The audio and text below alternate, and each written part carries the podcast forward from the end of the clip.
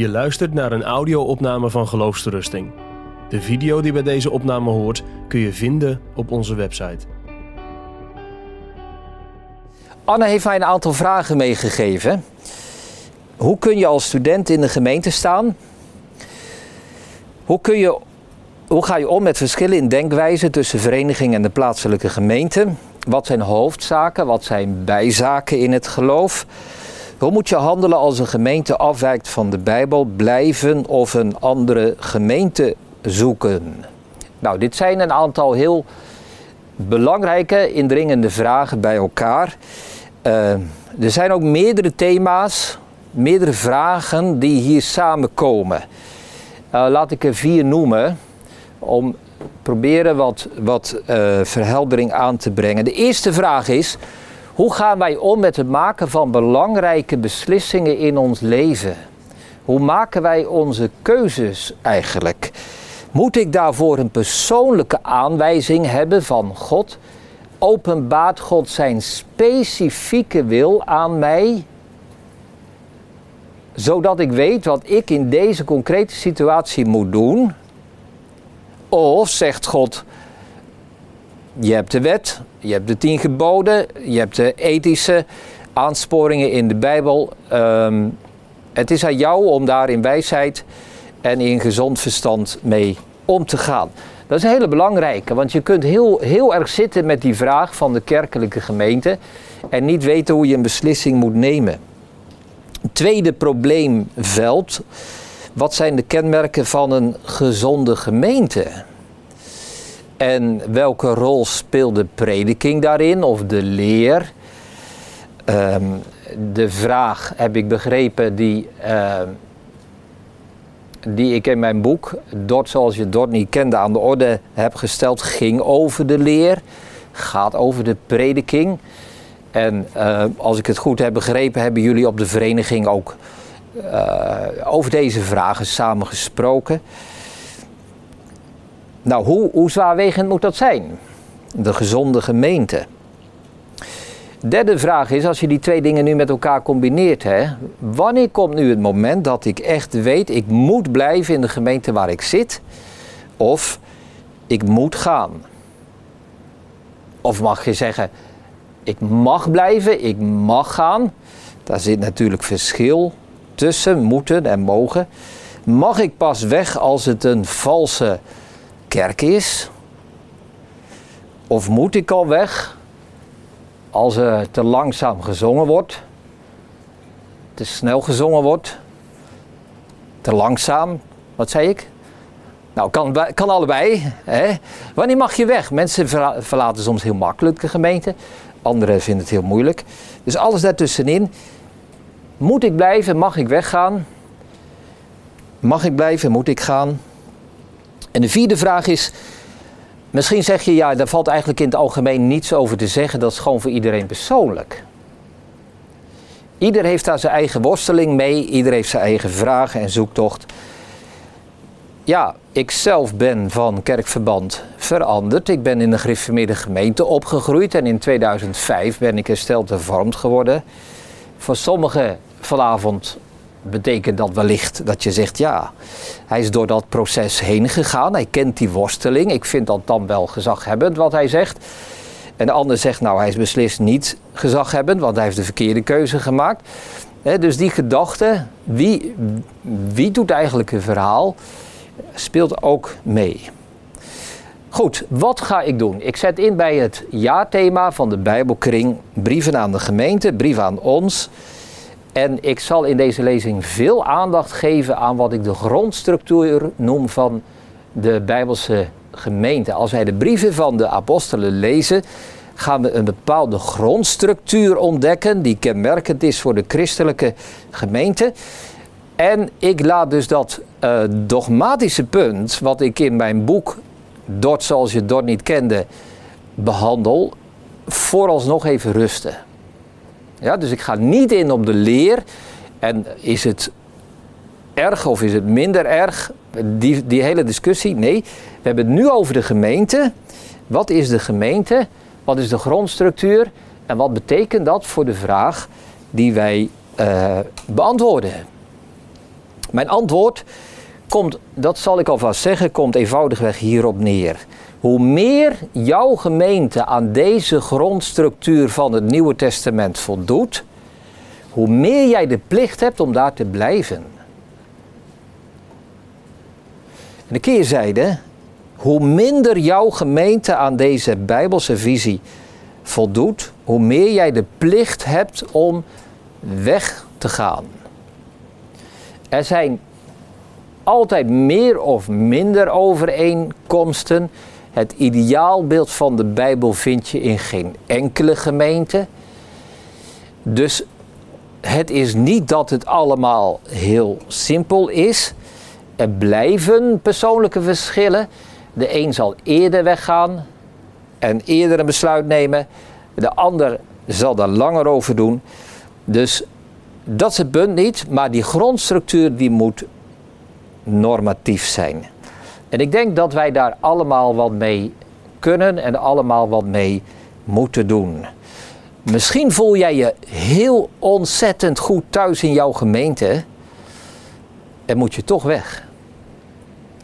Misschien heb je het heel zwaar in jouw gemeente en moet je toch blijven. Dat hangt af van die grondstructuur. Wel, wat is die grondstructuur? De basisstructuur van de gemeente volgens het Nieuwe Testament is dat in zijn kern, in zijn essentie, is de christelijke gemeente een vergadering, een bijeenkomst, een samenkomst van gelovigen, van wedergeborenen, van heiligen, van uitverkorenen. Dat zijn de woorden die de Bijbel daarvoor gebruikt. Wij beleiden elke zondag dat wij geloven in de kerk, komma, gemeenschap van de heiligen. Dat is de kerk. En je zult zien dat ongeveer alle brieven van de apostelen beginnen met zo'n aanspraak. In 1 Korinthe 1 zegt Paulus: Jullie zijn heiligen. In 1 Petrus 1 zegt Petrus: Jullie zijn uitverkorenen.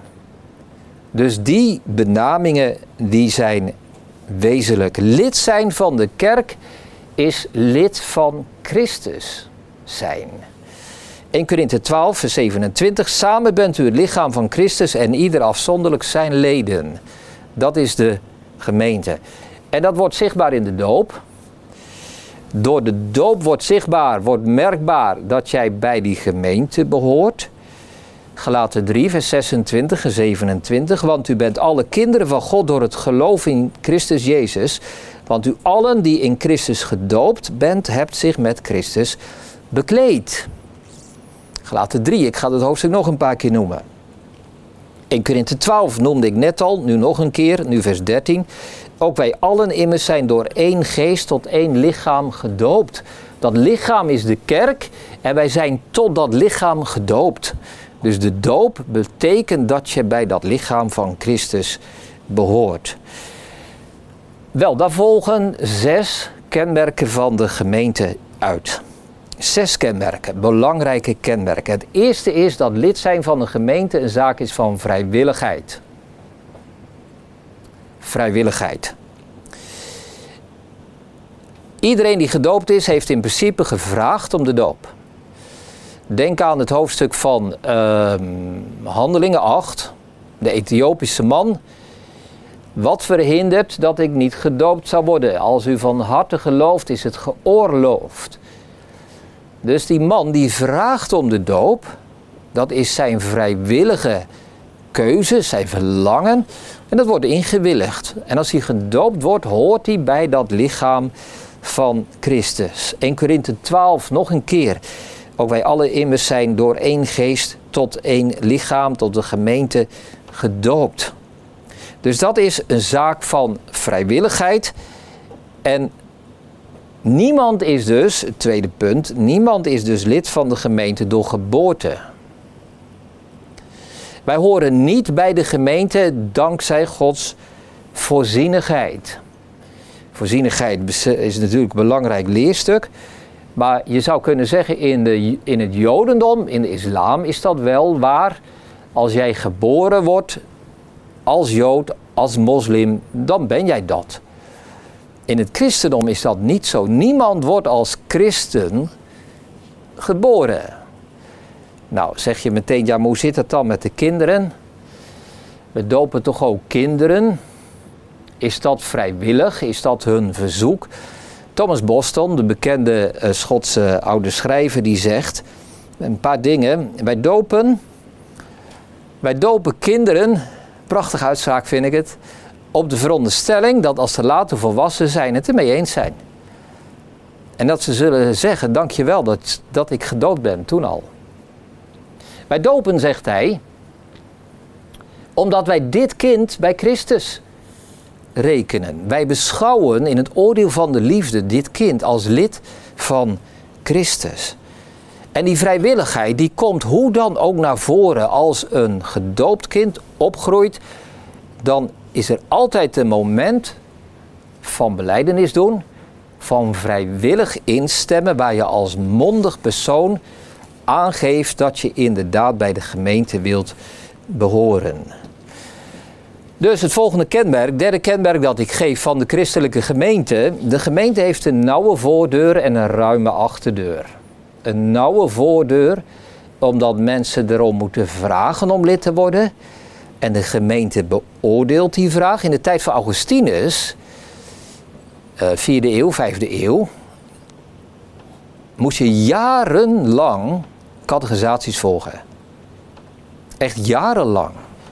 En als iemand werkelijk had laten zien in een continu geheel van jaren onderwijs en bekering dat zo iemand bij de gemeente kon behoren, werd hij gedoopt.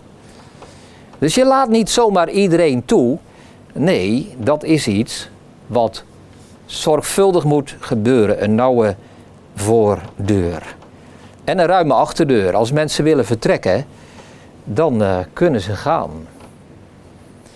En we zien hier ook weer een verschil tussen christendom en islam. Ik hoorde ooit van uh, Gertjan Segers, uh, bekende politicus. Hij is jarenlang zendeling geweest in Ethiopië. En hij vertelde dat er een gesprek was tussen moslims en christenen. Misschien nog andere godsdiensten, dat weet ik niet. En hem was gevraagd om kort en krachtig het christelijk geloof te presenteren. En hij dacht, weet je wat, ik vertel de gelijkenis van de verloren zoon.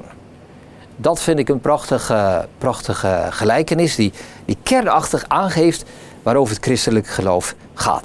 Dus Gertjan vertelt die gelijkenis over die vader hè, aan het einde. En die staat de jongen weer op te wachten enzovoort. En hij was klaar.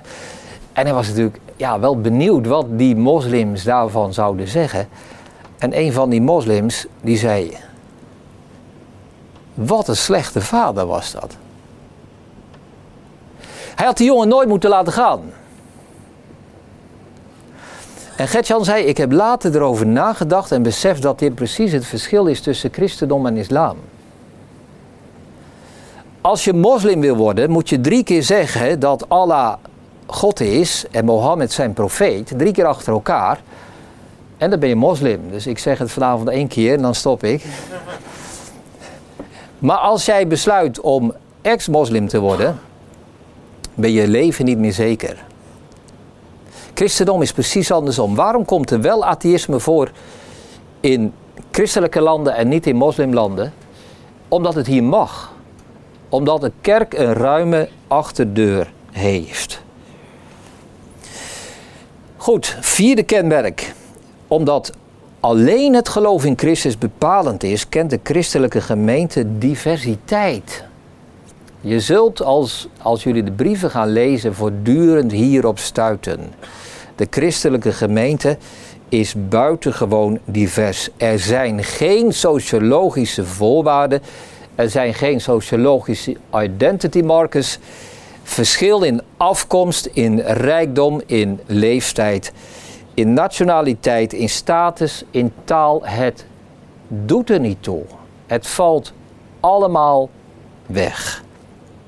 Nog een keer 1 Korinthe 12, vers 13. Ik heb dat vers zojuist al geciteerd voor de helft. Ik zal het nu in het geheel citeren. Ook wij allen zijn één, door één geest tot één lichaam gedoopt. Het zij dat wij Joden zijn, het zij Grieken, het zij slaven, het zij vrije. Wij allen zijn door, van één geest doordrenkt. Dus al die verschillen vallen weg binnen de christelijke gemeente. Gelaten 3 vers 27 heb ik zojuist genoemd over de doop. Daar zien we hetzelfde. Onmiddellijk erachteraan volgt er in vers 28. Daarbij is het niet van belang dat men Jood is of Griek. Daarbij is het niet van belang dat men slaaf is of vrije. Daarbij is het niet van belang dat men vrouw is, man is of vrouw, want allen bent u één in Christus Jezus. Nou, als er één discussiepunt is in de brieven van het Nieuwe Testament, dan is het dit. Die enorme diversiteit in de christelijke gemeente. Dus lees uh, Romeinen 14 en 15. De een die wil wel allemaal gewoonten en, en, en uh, dagen uh, vasthouden en de ander die, die wil het loslaten. Denk aan gelaten 2, het debat tussen Petrus en Paulus. Dat ging over deze, deze kwestie. Denk aan Jacobus 2, vers 2. Ik lees het voor, want als in uw samenkomst een man zou binnenkomen met een gouden ring aan zijn vinger, in sierlijke kleding, en er kwam ook een arme man in haveloze kleding, en u zou hoog opzien tegen hem die de sierlijke kleding draagt, en tegen hem zeggen: Gaat u hier zitten op een mooie plaats? En u zou tegen die armen zeggen: Gaat u daar maar staan, of ga hier zitten bij mijn voetbank? Hebt u dan niet onder elkaar een onderscheid gemaakt? En bent u zo geen rechters geworden met verkeerde overwegingen? Dus diversiteit is noodzakelijk kenmerk van de christelijke gemeente. Omdat er maar één punt van gelijkheid is, en dat is het geloof in Christus. Vijfde kenmerk, dit vraagt binnen de gemeente om onderlinge aanvaarding. Romeinen 15, vers 4. Aanvaard elkaar zoals ook Christus ons aanvaard heeft. De vrucht van de geest, gelaten 5 vers 22, groeit vooral binnen de gemeente. Daar oefenen wij ons in geduld, zelfbeheersing, zachtmoedigheid, geloof, blijdschap, liefde en alle andere vruchten. Allereerst ten opzichte van die andere gelovigen, die zo totaal anders zijn dan jij, maar die wel in dezelfde gemeente zitten. Er staat in datzelfde hoofdstuk, gelaten 5, als u elkaar bijt en verslindt, pas dan op dat u niet door elkaar verteerd wordt. Dus dat gaat over de omgang van gelovigen binnen dezelfde gemeente. 1 Korinthe 10, vers 17 gaat over het avondmaal. Wij eten, zegt Paulus daar, hetzelfde brood. Opdat het, omdat het brood één is, zijn wij die velen zijn één lichaam, want wij allen hebben deel aan het ene brood. En deze tekst komt voor in het klassieke avondmaalsformulier. En als er onder ons mensen zijn die al beleidenis hebben gedaan, als je deelneemt aan het avondmaal, dan moet je de volgende keer dat je aan de avondmaalstafel zit, maar eens rondkijken naar al die mensen. En dan besef je, dit ene brood delen wij. Ik mag ervan eten, maar die andere mensen ook. Christus heeft, zoals dit brood verscheurd wordt, Christus heeft zijn lichaam laten verscheuren voor die mensen die hier zitten. En als Christus hen zo lief heeft gehad, dat hij zichzelf in de dood gaf voor hen, dan wil ik hen ook lief hebben. Als Christus hen lief had, heb ik hen ook lief. Dat is de kern van de christelijke gemeente. Je kunt rondkijken en dan heb je misschien je voorkeur. Die mag je wel en die mag je niet. Maar dan zegt het avondmaal, stop daarmee. Het is één brood, het is één lichaam, het is één liefde van Christus voor hen allen. Onderlinge aanvaarding, het vijfde kenmerk van de christelijke gemeente. Nou, dan noem ik nog een zesde. Als we heel deze structuur zien, die basisstructuur van vrijwilligheid, van aanvaarding, van diversiteit, de eenheid in het geloof, dan is het, dan is het mooi en belangrijk om te kijken hoe Paulus daarmee omgaat. Paulus is een apostel. Hij was zich bewust van zijn gezag, wel degelijk. Ik geef een voorbeeld, ik zou er met gemak 10 kunnen noemen, maar ik neem uh, 2 Korinthe 3, vers 1 en 2. Die gemeente van Korinthe die waren kritisch ten opzichte van Paulus. En wat doet Paulus dan? Dan zegt hij: beginnen wij onszelf weer aan te bevelen? Of hebben wij zoals sommige aanbevelingsbrieven voor u nodig of aanbevelingsbrieven van u? U bent onze brief, geschreven in onze harten, gekend en gelezen door alle mensen. Nou, dat moet je eens tot je door laten dringen. Hoe gaat Paulus met deze gemeente om? Hij zegt niet, en nou ben ik het zat, ik ben hier de apostel, nu moeten jullie eens een keer stoppen met die kritiek. Ik heb gelijk. Hij gaat op basis van gelijkheid, of zelfs hij gaat nog onder die mensen staan en hij, hij, hij praat op ze in op een vriendelijke manier. Hij zegt, maar jullie zijn mijn aanbevelingsbrieven. Dus het is één groot betoog om de harten van die mensen voor zich te winnen, zodat die verhouding tussen hem en de gemeente weer goed is. En natuurlijk, er is apostolisch gezag en natuurlijk uh, zijn ambtsdragers over ons gesteld.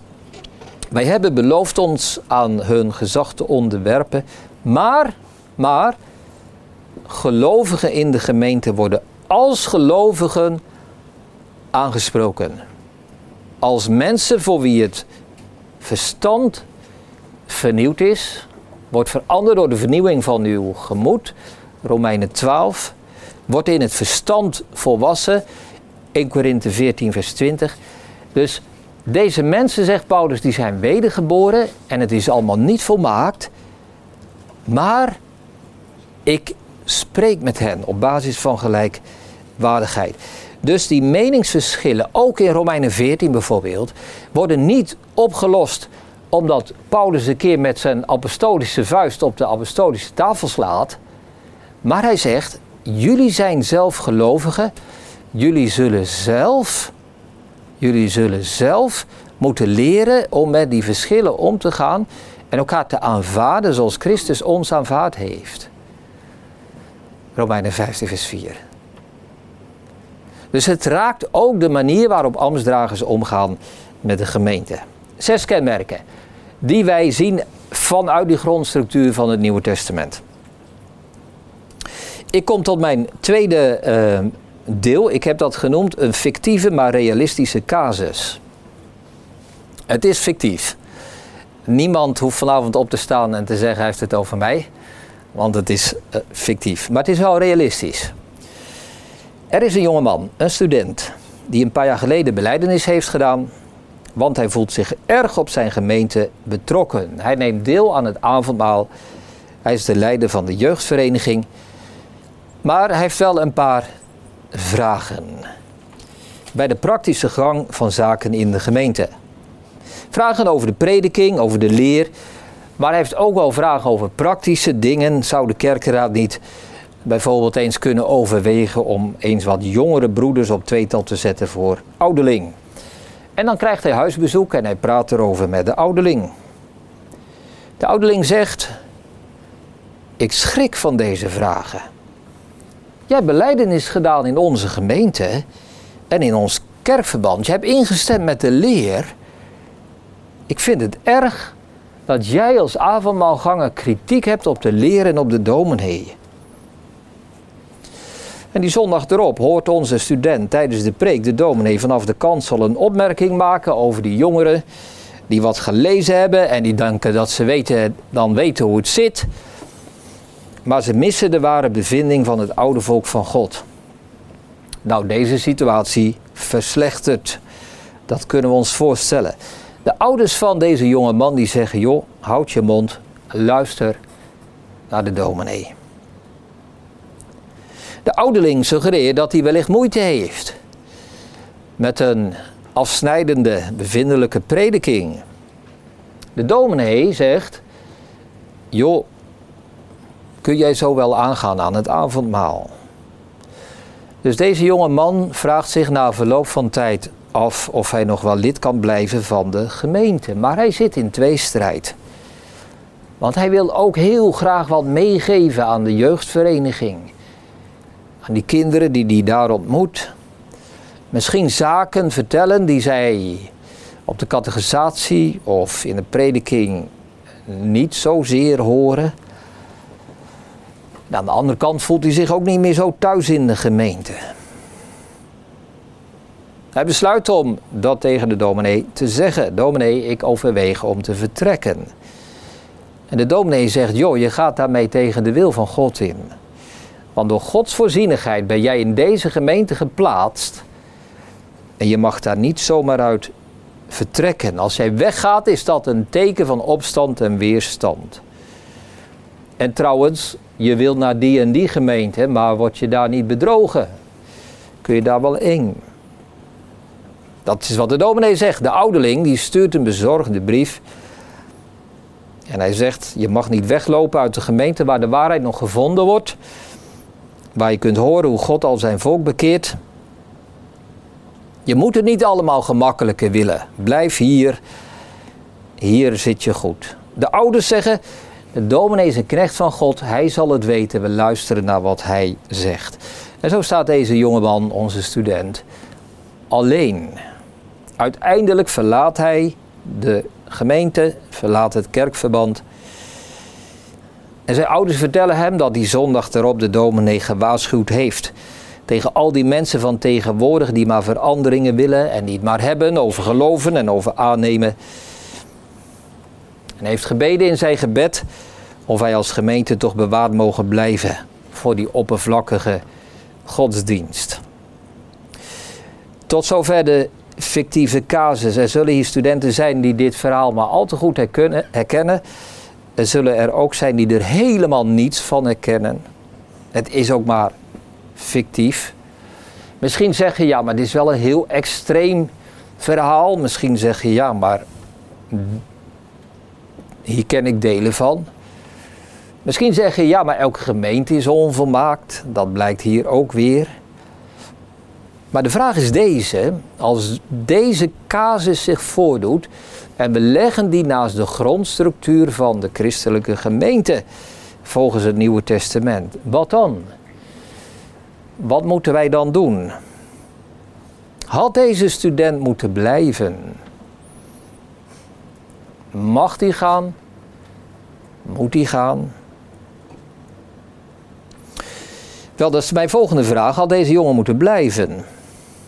Valt daar iets over te zeggen? Ja, daar valt heel veel over te zeggen. Daar valt heel veel over te zeggen. En ik ga niet zeggen, nou laten we gewoon elkaar wat meer vrijheid geven. Ik ga hier niet pleiten voor wat meer tolerantie. Ik ga ook niet aan de andere kant zeggen, maar we moeten loyaal zijn. dat zou je de twee uitersten kunnen noemen. Loyaal zijn, blijf waar je zit. Joh, til er niet zo zwaar aan. Ga op zoek. Geef elkaar de vrijheid. We zijn er niet om te zeggen, ja, die dominee is toch al een beetje een hork en die ouders zijn wel heel kleurloos. Nee, het gaat over deze vraag. Komt deze gemeente overeen met wat het Nieuwe Testament zegt over de basisstructuur van de christelijke gemeente? Absoluut niet. Het is eerder het tegenbeeld. Allereerst, ik heb zes kenmerken genoemd. Allereerst, hier is geen sprake van vrijwilligheid. Het gaat hier niet over geloof in Christus. Het gaat hier niet over iemand die ernaar verlangt om bij die gemeente te horen en die daar mag vertellen wat zijn motieven en redenen zijn.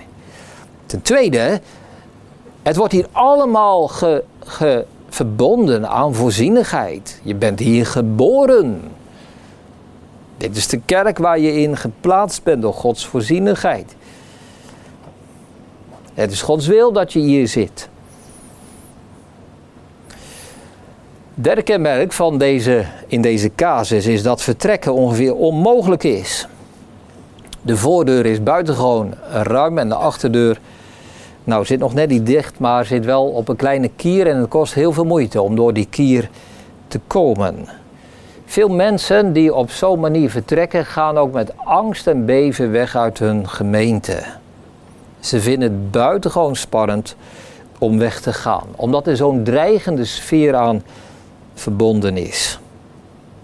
Ten vierde, diversiteit was het vierde kenmerk. Nou, daar horen we hier ook niet zoveel over. Het is hier meer zo, ja, jij hebt beleidenis gedaan, dus jij moet het eens zijn met hoe wij het doen. Als jij beleidenis van het geloof aflegt, dan is dat een zelfgekozen monddoodverklaring. Als jij beleidend lid van de gemeente bent, dan zwijg je. Goede leden zijn onkritische leden. En de beste leden zijn degene die zwijgen. Vragen stellen moet je vooral niet doen. Feedback geven is verboden, kritiek is ongepast. En dan gaat het niet over de inhoud van die vraag, maar het feit dat je een vraag stelt, al gaat het over de Bijbelvertaling of over de prediking of over de liturgie of over de samenstelling van de kerkraad of over het orgelspel of over samenzang, het maakt niet uit. Vragen stellen doet, doe je niet. In zo'n gemeente word je geacht niet zelf na te denken. Er wordt voor jou gedacht. Er wordt voor jou gedacht. Nou, dat lijkt meer op de islam dan op het christendom. Dit is niet wat je de gemeenschap der heiligen kunt noemen. Vijfde kenmerk was die onderlinge aanvaarding. Weet je nog van uh, Romeinen 15, vers 4. Aanvaard elkaar zoals Christus ons aanvaard heeft. Maar wie op zo'n manier uit de gemeente vertrekt, die wordt eerder afgekeurd en afgeschreven en geminacht dan aanvaard. Er is geen oordeel der liefde. Er is eerder wantrouwen. Het lijkt soms wel dat dat de, de, de default position is. Wantrouwen richting andere mensen in plaats van aanvaarding. En dan dat zesde kenmerk. Ik heb gezegd hè, hoe, hoe Paulus met die gemeente omging en hen aansprak als gelovige.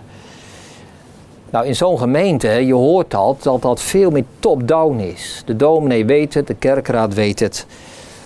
Zij dienen niet, maar zij heersen. En die ouders onderwerpen zich aan, niet zozeer aan Gods woord, maar aan de dominee. Nou, mijn ervaring is dat zo'n structuur, vanuit dit voorbeeld, echt heel, heel diep in een gemeente zit. Het is echt niet zo dat die dominee eigenwijze kerel is. Maar het is de hele gemeente die die structuur in stand houdt. Al zou je deze dominee uh, vervangen door iemand anders, dan wordt die andere dominee ook zo. Ik heb ooit een verhaal gehoord, uh, en dat is dus niet fictief, dat is werkelijk gebeurd. Er was een vrouw die aan het avondmaal ging en er speelde wat in de persoonlijke sfeer, maar ze stond niet onder censuur, helemaal niet. Maar ze ging aan het avondmaal en de dominee die deelde het brood uit en die sloeg die vrouw over. Voor het oog van de hele gemeente. Iedereen kon dat zien, dat die haar passeerde. En er was een man in die gemeente en die, eh, die, die, ja, dat ging hem ter harte. Hij was ervan geschrokken. En hij belde die dominee op en hij zegt, uh, dominee, hoe kunt u dat nou doen? Nou, zegt die dominee, je bent de eerste die het voor die vrouw opneemt. Ik heb zoveel reacties gehad van mensen uit de gemeente die eh, steunbetuigingen gaven en die zeiden het is schandalig dat ze daar zat. Dus die dominee die beroept zich op de gemeente. Het is niet één iemand, het is een geheel. Let erop dat ik tot op dit moment dus nog niks gezegd heb over de inhoud van de prediking. Of dat bijbels is of onbijbels. Al zou de prediking zeer bijbels zijn, dan nog is de structuur van zo'n gemeente absoluut onschriftuurlijk, ongeestelijk verstikkend. Ik ken gemeenten waar, waar de prediking echt wel ruim is en echt wel evangelisch is en waar het niet beperkt wordt op het aanbod van genade. En toch kan die structuur die ik net schilderde opeens naar boven komen, bijvoorbeeld rond zo'n gevoelig thema van echtscheiding en hertrouwen. Of uh, andere, ander voorbeeld dat uh, als er een rouwdienst is, dan moet het exact zo gebeuren en niet anders. En dan, ja, dat is een structuur die niet eigen is aan het beeld van het Nieuwe Testament. En ik ben ervan overtuigd dat een gezonde prediking niet kan samengaan met een, met een ongezonde structuur. Want een gezonde prediking leidt tot een gezonde gemeente. Daar is de prediking voor bedoeld. Er staat in uh, Ezekiel 47, ik kom daar straks nog wel een keer op terug een prachtig uh, beeld van die, van die stroom van water van onder de dorpel van de tempel, van onder het altaar vandaan. En dat water dat stroomt en dat wordt breder en groter en gaat de wereld in. En overal waar dat water komt, staat er, wordt het water gezond. Tot in de dode zee aan toe. Overal waar het water komt, komt leven. Het is een beeld van het evangelie. Het is een beeld van het water dat levend maakt. Zo zorgt een bijbelse prediking voor een gezonde gemeente. Maar al zou ik dat hele punt van de prediking laten liggen, dan is het nog een punt op zichzelf. Wij beleiden met de Nederlandse geloofsbeleidenis, artikel 31, dat, dat Christus de enige algemene bisschop is en het enige hoofd van de kerk. Christus is het hoofd, niet de dominee. Dus ja, ik moest denken uh, in, de, in de voorbereiding voor deze lezing aan Lucas 20, die gelijkenis van de wijngaard. Uh, jullie kennen het vast wel, die mensen die hebben die wijngaard in bezit en dan, dan de eigenaar die stuurt zijn boden en die wijzen ze af en zo en, en, en die willen ze niet. En uiteindelijk besluit hij om zijn eigen zoon te sturen. En dan zeggen die mensen die die wijngaard in gebruik hebben, dit is de zoon, hem moeten wij doden. En Jezus zegt dat als heenwijzing naar zichzelf.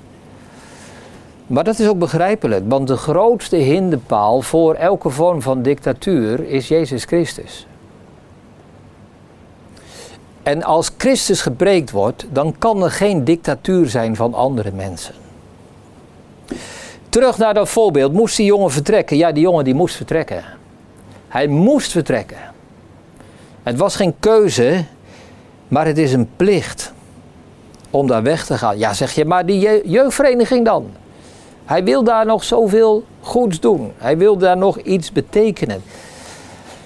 Ik snap dit punt. En het is een hele, hele intense worsteling voor sommige mensen. Maar het kan toch niet de bedoeling zijn dat jij in de gemeente onder de radar probeert iets te gaan vertellen wat officieel en openlijk niet wordt gezegd. een, een, agent die kan undercover gaan in een, eh, in een drugsbende.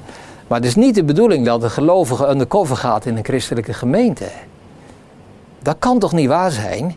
Dat je zegt ik blijf hier omdat ik iets te vertellen heb wat eigenlijk niet gezegd mag worden. Kijk, als jij predikant bent of als jij ambtsdrager bent, dan wordt het een ander verhaal. Dan zit je op een ander niveau, dan kun je veel meer doen met die structuur. Maar als jij gewoon gemeentelid bent, dan denk ik dat je maar één ding kunt doen. En dat is uit protest en als waarschuwing vertrekken. Ik ga nog een stap verder. Ik vind dat in dit voorbeeld de ouders van deze jongen ook weg hadden moeten gaan. Alleen zij deden het niet. En zij beriepen zich zelfs op die structuur. En ze zegden ja, nou ja, ja, zeiden ze, de dominee die weet het en wij geloven maar wat de dominee zegt. Dus in plaats dat zij doorzien wat er misgaat, gebruiken zij de onbijbelse structuur om er te blijven. Kortom, al zou jij je heel goed op je plek voelen in je gemeente, maar deze onbijbelse structuur is daar aanwezig, dan moet je weg. Straks is er ruimte voor vragen, dat uh, zeg ik. En ik zie er naar uit, want uh, een lezing houden kan iedere sukkel, maar vragen beantwoorden, daar wordt het spannend. Dus ik zie er altijd naar uit als er goede vragen komen en ik reken erop dat er mooie en goede vragen komen. Maar ik zeg dit er al wel bij. Zorg ervoor dat jouw vraag niet de vraag is waarin je deze gevaarlijke, beschadigende machtsstructuur van kritiekloosheid, van eenheidsdenken, van angstregime gaat goed praten. Kijk, dat Geert Wilders zijn partij top-down met harde hand uh, bestuurt, dat is tot daar aan toe. Dat kunnen we oogluikend accepteren. Maar dat een christelijke gemeente die gegeven is om al die structuren van de wereld te doorbreken. Denk aan de teksten die ik genoemd heb, 1 Korinthe 12, Galaten 3 enzovoort. Daar kun je niet bij willen horen. als het zo werelds is en zo onchristelijk. Ik weet dat ik best wel hele, uh, voor sommigen wellicht hele indringende dingen zeg.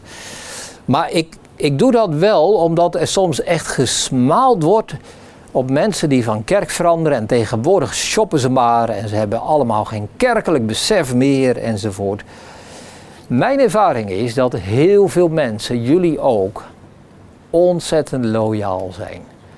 De meeste mensen doen er vijf jaar, tien jaar soms over voordat zij die stap gaan zetten om te vertrekken. Er wordt wat afgeleden, maar mensen zijn loyaal. En loyaliteit is ontzettend belangrijk in de christelijke gemeente. Die heb je nodig, mensen die loyaal zijn. Maar het is niet het enige. Misschien heb je wel eerder een zetje in de rug nodig om te zeggen: ja, ik, ik moet de situatie eerlijk onder ogen zien, de situatie waar ik in zit.